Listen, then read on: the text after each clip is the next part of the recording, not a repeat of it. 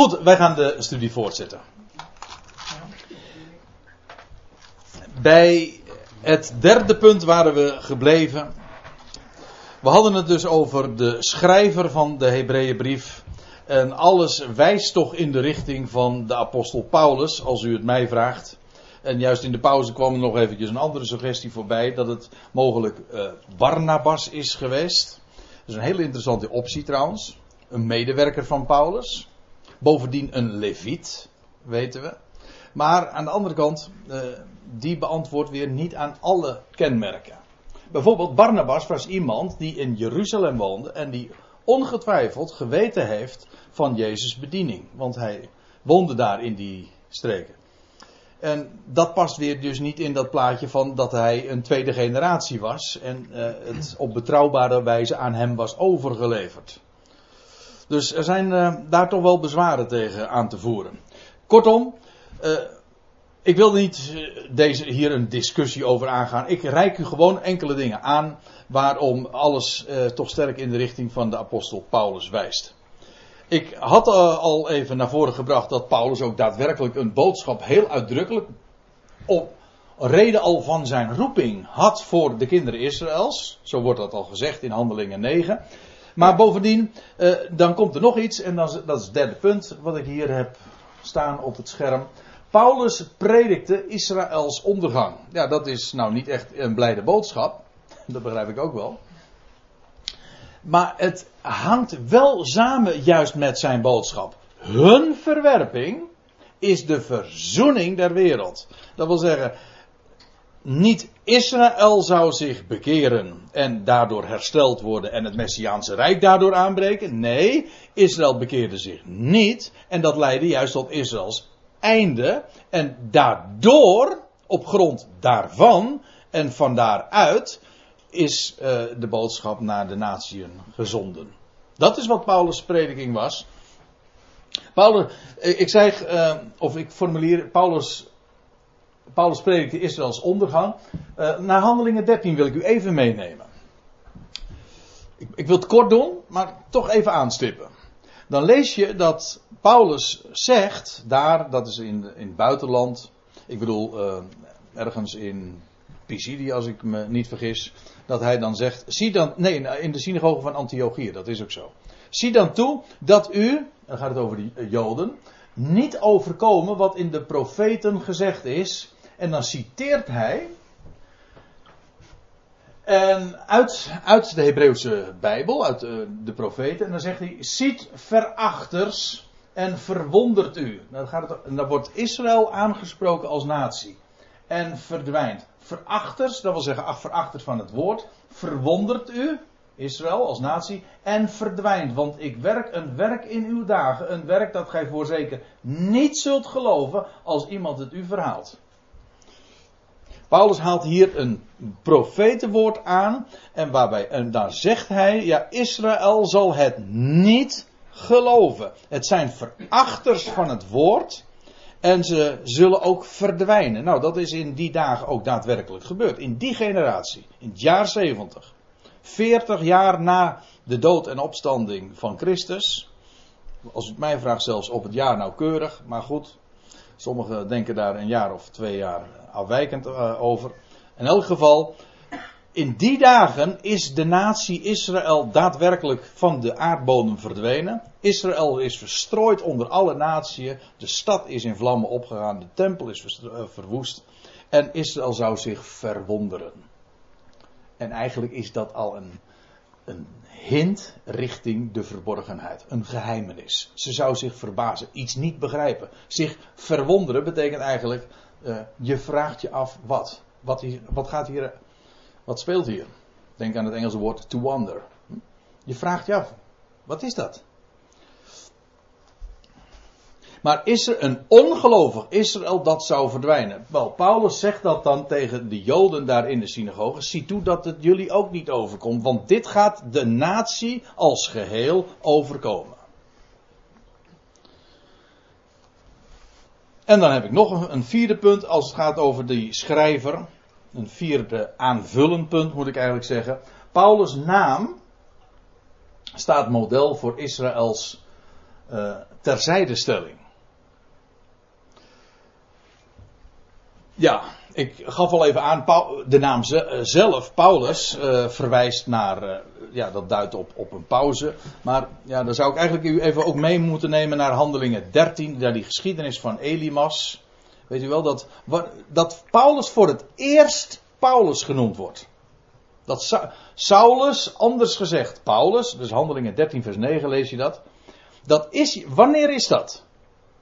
Dat, slechts zelden wordt dat ingezien. Maar Saulus werd Paulus toen een Jood, een Joodse tovenaar met de naam Elimas, afkerig was van het woord.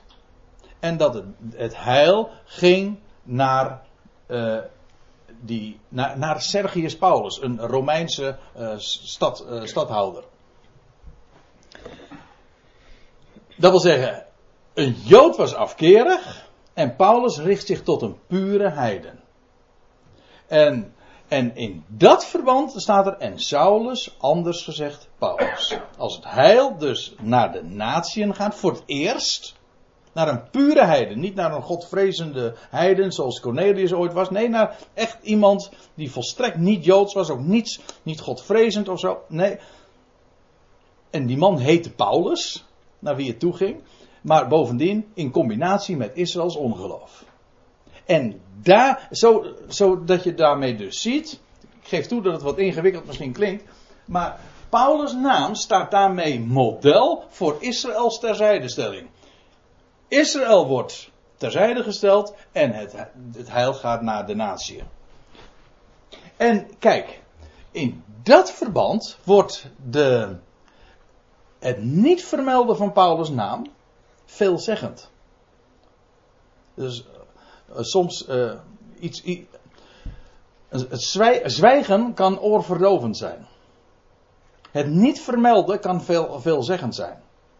Paulus' naam staat er niet onder. Waarom? Omdat Paulus' naam juist verbonden is met zijn boodschap voor de natie. Dus als Paulus zich richt tot de kinderen Israël, dan is dat niet onder de noemer Paulus. Het staat eigenlijk ook buiten zijn bediening. Hè, zijn, het specifieke kenmerk van zijn bediening. En dan uh, wordt dat, uh, dan begrijp je wel waarom zijn naam altijd onder de brieven staat. Normaal gesproken. Maar de Hebreeënbrief neemt een hele aparte status in. Het is een boodschap van hem. Ja, dat wel. Maar zijn naam staat er niet onder. Want het is niet een direct Paulinische brief. Daarom zal ik ook in deze brief, uh, deze Bijbelstudie, zal ik nou ja, misschien zullen we het zo wel eens hebben, over de schrijver als zijnde Paulus. Doe ik nu ook. En toch moet je ermee uitkijken. Het is niet voor niks dat zijn naam er niet onder staat. En die anonimiteit moeten we eerbiedigen. Het feit dat de naam er niet bij staat, dat betekent dus dat we niet iedere keer uh, bij, met, met, met de naam Paulus moeten gaan verbinden met de Hebreeënbrief. Het is veelzeggend dat zijn naam er juist niet aan verbonden is. Even veelzeggend als dat Paulus wel degelijk ook een brief heeft geschreven aan de Hebreeën. Maar dat valt dus buiten zijn bediening. Nou.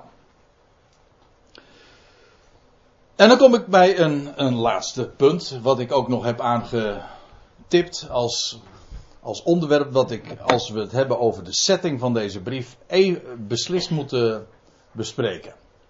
We hebben het gehad over de geadresseerde, de Hebreeën, Israël. We hebben het gehad over de schrijver, Paulus, wellicht, hoewel zijn naam er niet bij staat. En dan tenslotte, wanneer is de brief geschreven? En dan ga ik weer even naar een vers naar het vers toe wat ik al een keer eerder vanavond heb genoemd. Hebreeën 2, vers 3. Het is de tweede keer, maar nu in een, om een andere reden dat ik ernaar verwijs.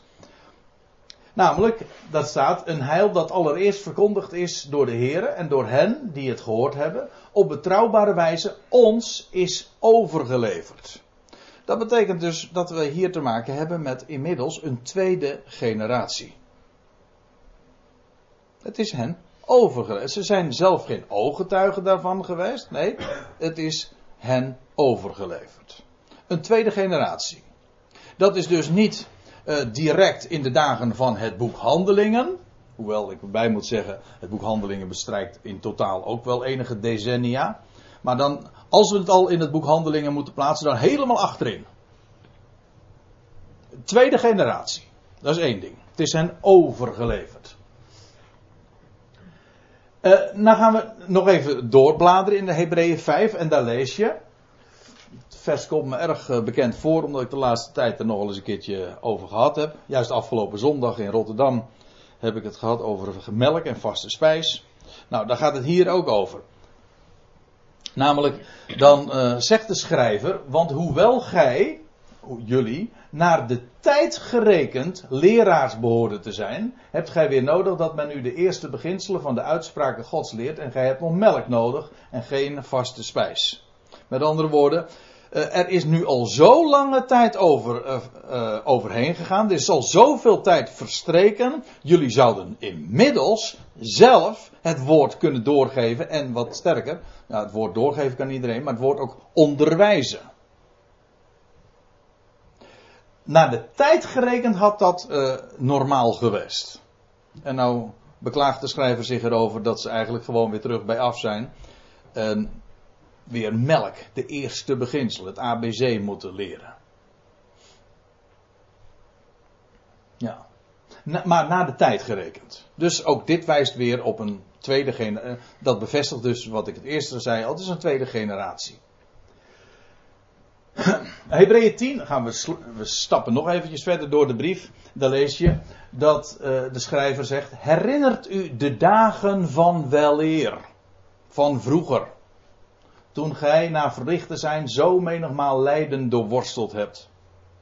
Dat is trouwens ook wel een aardige aanwijzing in verband juist weer met de geadresseerde. Want in het boek Handelingen lezen we uh, over de vele vervolgingen ook in de dagen uh, van, uh, van de apostelen. Ik denk eventjes aan Handelingen 8.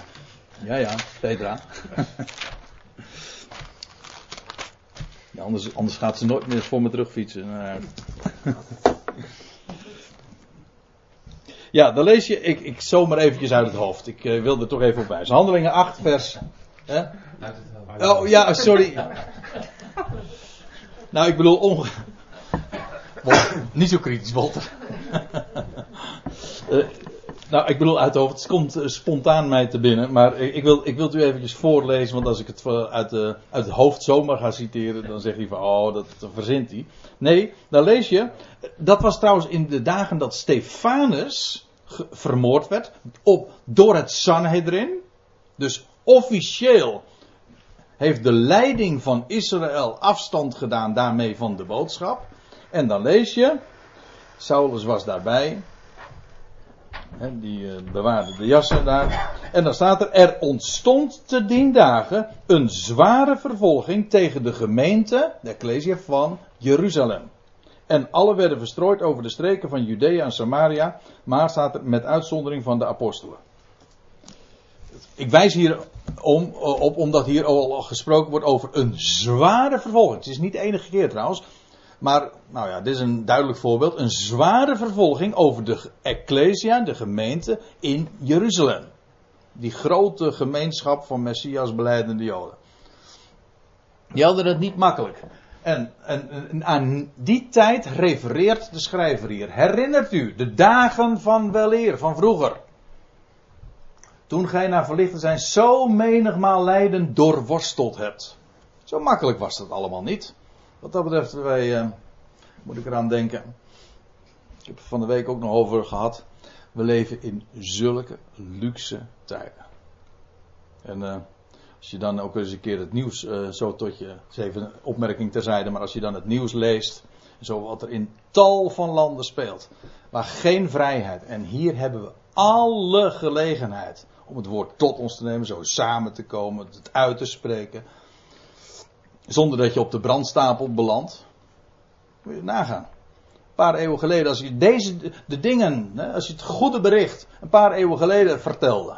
Dan belandde je geheid op, als je het echt duidelijk vertelde, belandde je echt hier, gewoon in Nederland, hè, belandde je op de brandstapel. En nu hebben we de gelegenheid om dat vrij te vertellen. En hier in Nederland is het nog, ja, ik bedoel, als het eventjes uh, in wat breder verband zet, bredere context, dan is het zo bevoorrecht dat we zijn ten opzichte van tal van andere delen in de wereld en tal van andere landen. Ja. Maar goed, dat even terzijde. Uh, die vervolging hadden de Hebreeën dus ook ondervonden. Zo menigmaal staat. Zo menigmaal lijden. Dat klopt dus helemaal. Maar uh, waar het nu even om gaat, het, om de tijdzetting. De schrijver wijst erop, dat was vroeger, weet je nog, de tijden van weleer. Dus al, dat is al een, een tijd geleden dus. Heb ik nog een aanwijzing. En daar lees je in Hebreeën. Ja, ik zie dat ik hier vermeld heb Hebreeën 10, maar dat klopt niet. Dus het moet Hebreeën 13 zijn. Hier heb ik ook al even naar verwezen. En ik had toen ook al aangekondigd dat ik nog een keer even terug zou komen op, deze, op dit vers. Toen uh, ging het eventjes om, om deze persoon, om Timotheus. Maar goed, ik lees het even. Vers 23 van Hebreeën 13. Weet dat onze broeder Timotheus in vrijheid gesteld is als hij spoedig komt, zal ik met hem u bezoeken. En dan komt het. De broeders uit Italië laten u groeten. En dit wijst weer in de richting trouwens van Paulus. Ja, maar daar hadden we het al over, want het is een metgezel van een medewerker van Timotheus. Dat is één ding. Maar bovendien van Paulus weten we dat hij gevangen heeft gezeten in, juist, in Rome. En hij heeft, dan weten we dus trouwens niet alleen maar iets over de geadresseerde en over de schrijver, maar we weten daarmee ook iets over de plaats. Of, nou, ik geef toe, het is strikt genomen niet uit direct een bewijs, maar het wijst heel sterk uit in de richting dat deze brief is geschreven vanuit Italië en de geadresseerden krijgen de groeten van de broeders uit Italië. Van waaruit de brief werd geschreven. Dat is de gedachte die zich in elk geval aan je opdringt. Als je er onderuit wilt, kan dat. Maar dat is in ieder geval de meest. Dat is de suggestie. Die klinkt. En dat wijst ons. Ik kreeg juist in de pauze nog eventjes de vraag. Van wanneer denk je nou dat deze brief geschreven is? Nou. Uh, misschien dat ik hem nog iets preciezer kan zeggen. Uh, ergens in de tweede helft van de zestiger jaren. Maar in elk geval in de zestiger jaren van de eerste eeuw uh, vanuit Italië. Wellicht. En uh, dat wil zeggen een tweede generatie. Als we er dus even vanuit gaan uh, dat de Heer Jezus nou, werd geboren enkele jaren voor Christus, voor de gewone jaartelling. Hoe vreemd dat ook mogen klinken. In het jaar 30 stierf hij. En als je dan een generatie verder komt, dan ben je inmiddels in het jaar 70 aangekomen. Toen is het, heeft het grote drama zich voltrokken in Jeruzalem en in het hele land Palestina, dat platgewalst is. Maar eh, kort daarvoor is deze brief geschreven. Het was inmiddels al een tweede generatie. En er, wordt een, klinkt een hele klemmende oproep, ook een waarschuwing, dat wat er gaat gebeuren. Een dramatische afsluiting eigenlijk ook van het evangelie van de besnijderis is voorbij. Voorlopig. En in die brief, maar ja goed, daar zullen we het dus over hebben. Dat is de inhoud van de brief zelf. Is, wordt er dan vervolgens uh, op gewezen. Op, op dat grotere, op dat betere. is een van de sleutelwoorden in de brief. Beter. Het betere dat in Christus is te vinden en in het hemelse. En feitelijk wordt er al een heenwijzing gegeven naar de boodschap van de, die de apostel Paulus heeft mogen prediken uh, onder de natie. Hoewel dat niet het echte thema is. Goed, Hebreeën 3. Dat is ook nog een aanwijzing uh, in die richting. Uh, daar lees je in vers 7. Daarom. Nou citeert trouwens de schrijver een psalm.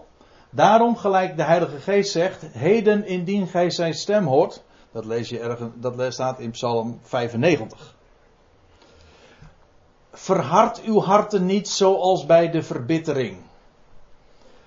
Ten dagen van de verzoeking in de woestijn.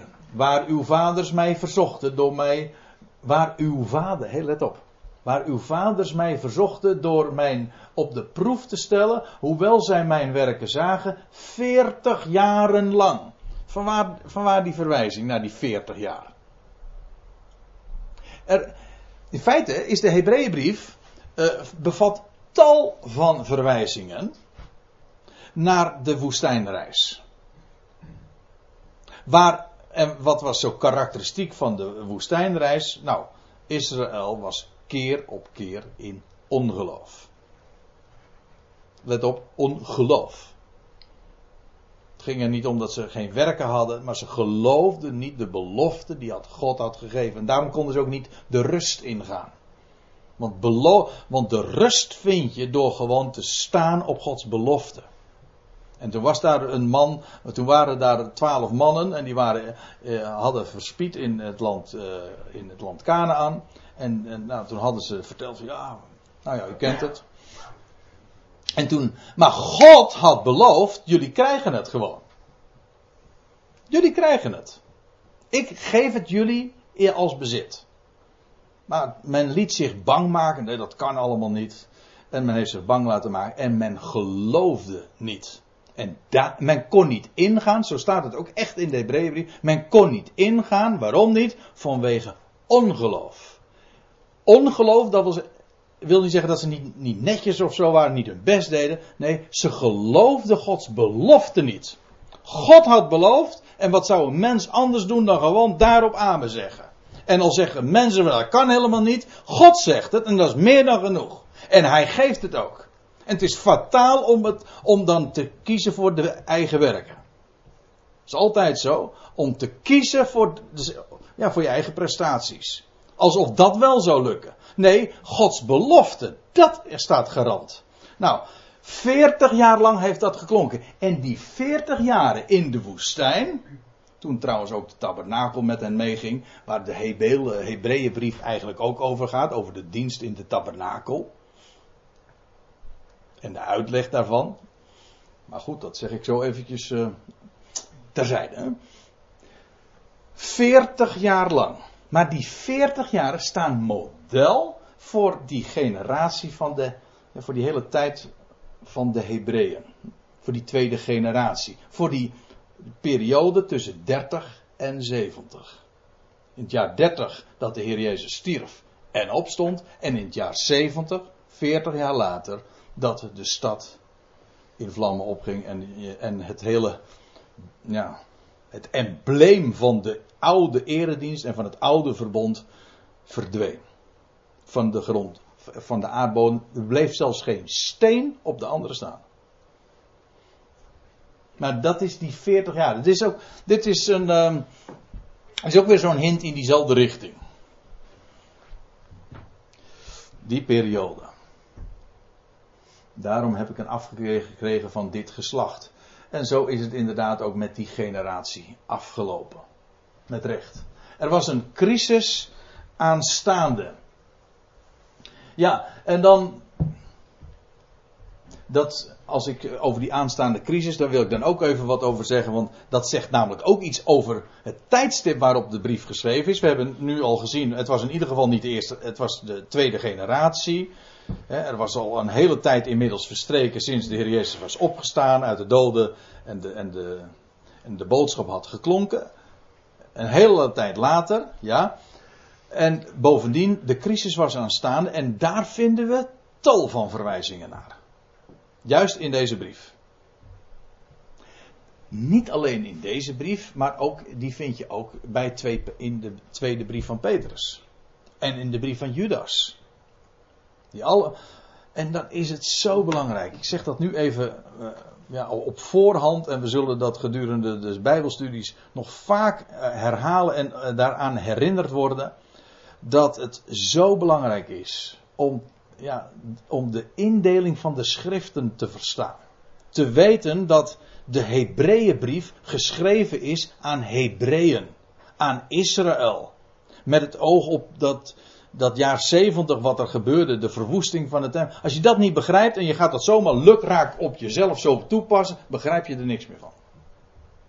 In die setting wordt het allemaal begrijpelijk. Met geldt voor tal van teksten. Laat ik eerst even naar Hebreeën 8 gaan. Daar gaat het over de.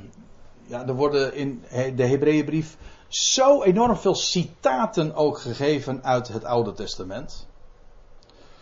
En een daarvan, een heel lang citaat, vinden we in Hebreeën 8. En dat is een citaat dan weer uit Jeremia 31. Waarin een nieuw verbond wordt aangekondigd ter vervanging van het oude verbond. Met hetzelfde volk.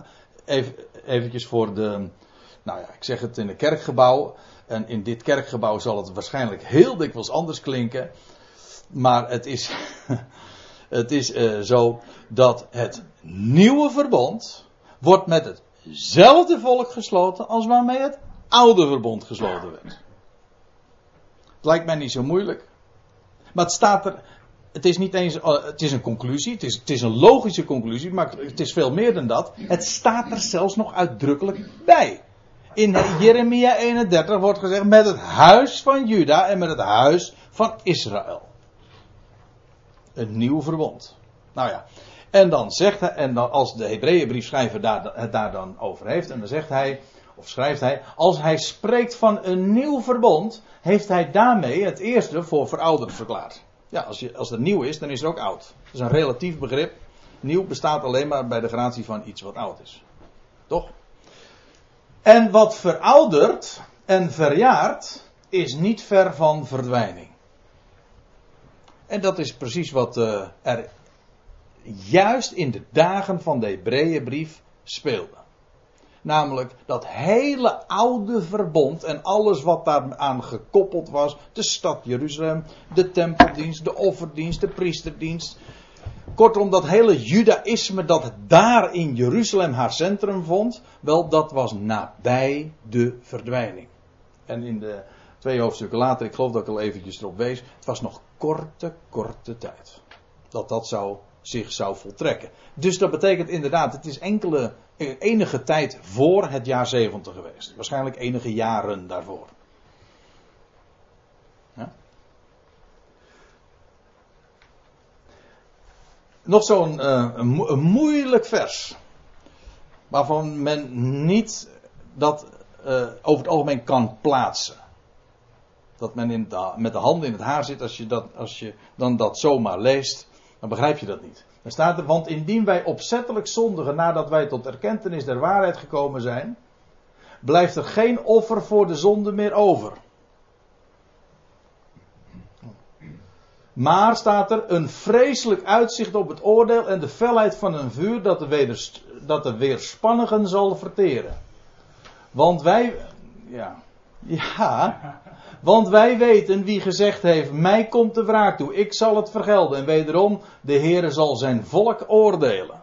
Nou, kun je je voorstellen, dat is één voorbeeld. Hoe deze woorden zomaar aan het kerkvolk worden opgediend.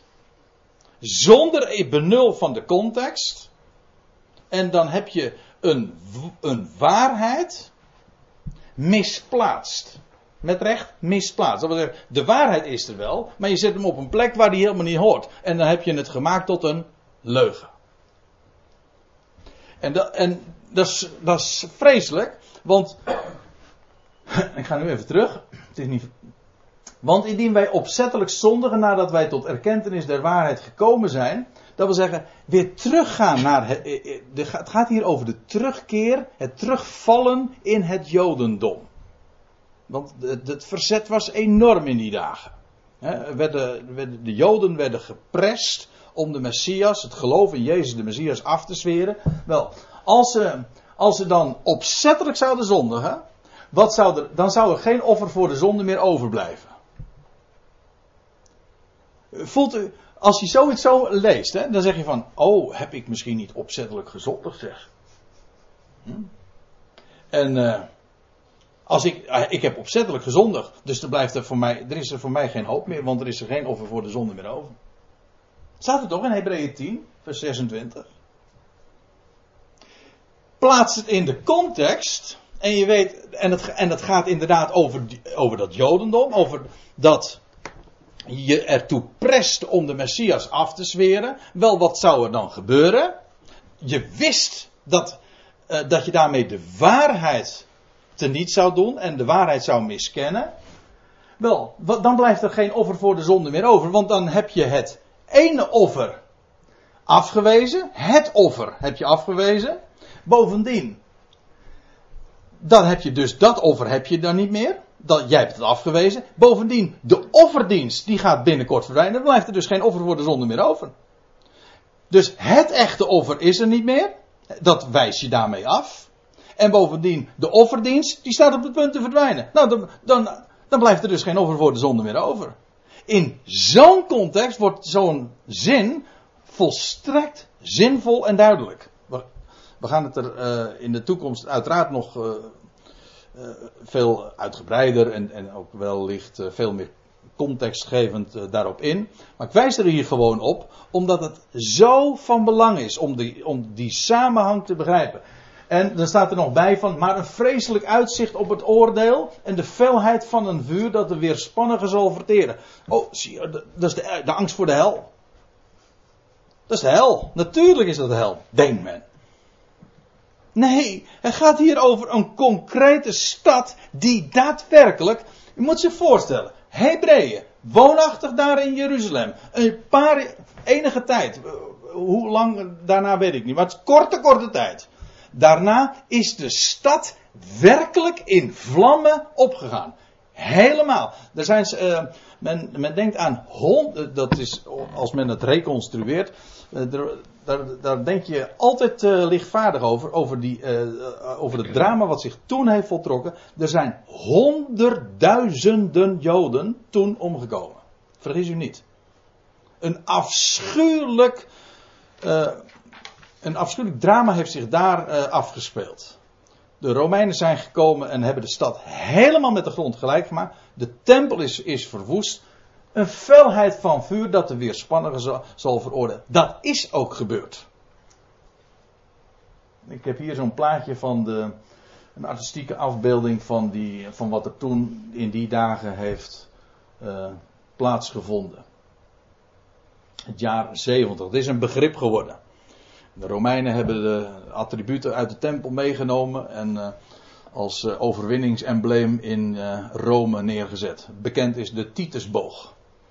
Die in Rome is geweest, die heeft dat wel eens wellicht gezien. Ik ben er zelf nooit geweest trouwens, maar ik ken wel de plaatjes daarvan. Want wij weten, wie gezegd heeft, mij komt de wraak toe, ik zal het vergelden en wederom, de Heere zal zijn volk oordelen. Dat wil zeggen, dit was ook, weliswaar de Romeinen hebben dat allemaal gedaan, maar het was ook een gericht van Gods wegen. Hij had het zo ook aangekondigd. Daarmee heeft het ongeloof van Israël is inderdaad um, gedemonstreerd en daarmee ook beëindigd, gewoon als natie. De Heer zal zijn volk, het gaat hier dus heel uitdrukkelijk over Israël, wat daarmee gebeurd is.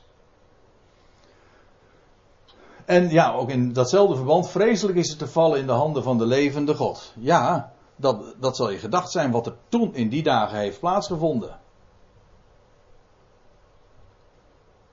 In een besnijdenis, in een Hebreeuwse context, tegen die achtergrond, laten deze woorden zich verstaan. En plaatsen in een kerkelijk kader met het de idee van, van een hel. En je hebt er een leugen van gemaakt. En de boodschap die de apostel die dit heeft opgetekend. Die hij zo duidelijk heeft naar voren gebracht. Niet, ja, dit is, dit gaat, deze brief gaat over Israëls verwerping. Ja, dat is waar. Maar hij had juist gesproken over de verzoening der wereld.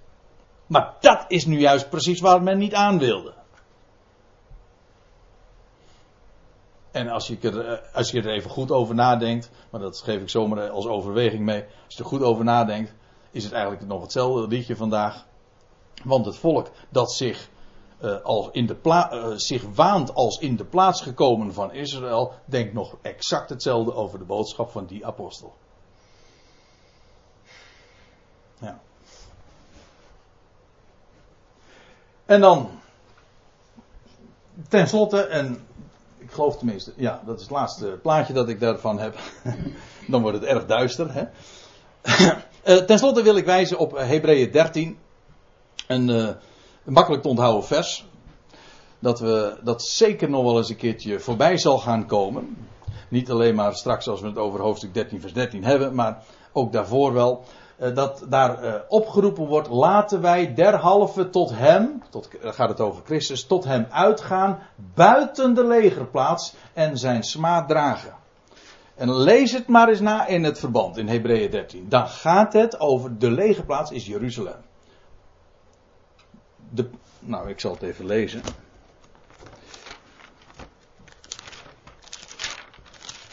In Hebreeën 13, daar lees je. Daarom, in vers 12 staat nog dit. Daarom heeft ook Jezus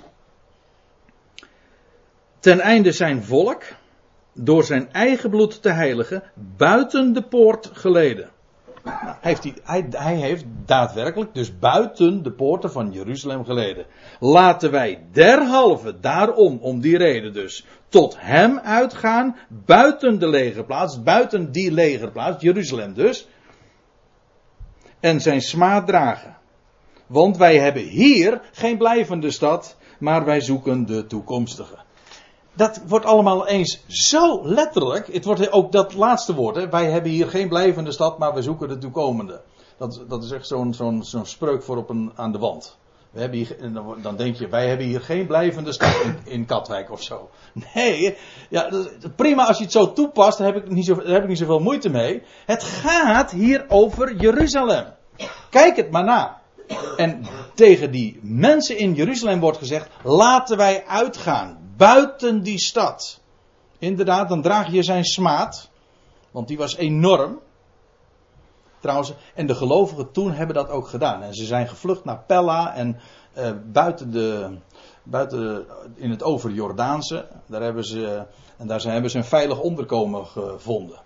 Echt waar, dat is allemaal historisch ook uh, gedocumenteerd. Degenen die tijdig de vlucht hebben genomen, die zijn over de Jordaan gegaan, buiten de legerplaats. En daar zijn ze veilig geweest. Die hebben dus op gehoor gegeven aan onder andere deze oproep. Buiten de legerplaats, buiten Jeruzalem. Wel, dat stond er allemaal binnenkort te gebeuren. Wel, daar gaat deze brief dus over.